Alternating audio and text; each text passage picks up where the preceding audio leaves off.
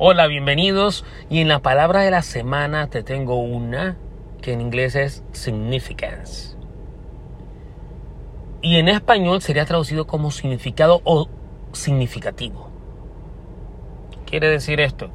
En la conferencia que tuve en Orlando la semana pasada, en el International Maxwell Certification, donde se certificaron coaches, oradores, formadores, facilitadores, con el renombrado autor John Maxwell. En una de sus intervenciones, él aclaró la diferencia entre el éxito y ser exitoso y ser significativo.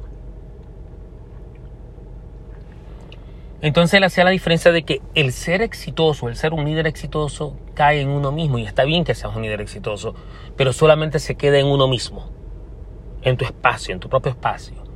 Sin embargo, ser un líder significativo, un líder con significado, significa moverse más allá del éxito personal e impactar la vida de otros.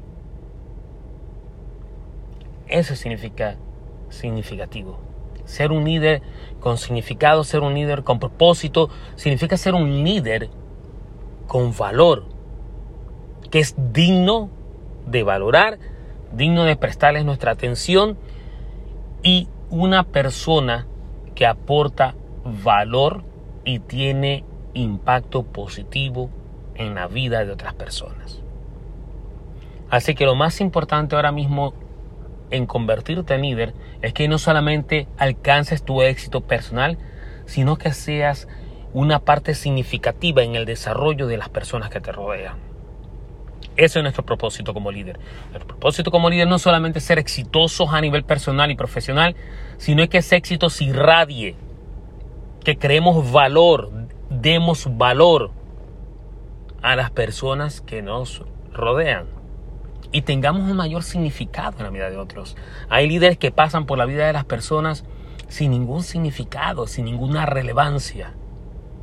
Te invito ahora como líder no solamente a buscar tu éxito personal, sino a ser de relevancia, de ser de impacto positivo, de ser de tener mayor significado en la vida de otras personas.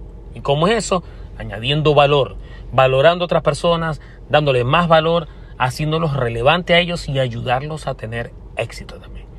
Al final del día, tu éxito personal como líder será ni más ni menos el reflejo del éxito de los equipos y de las organizaciones que lideras. Hasta la próxima.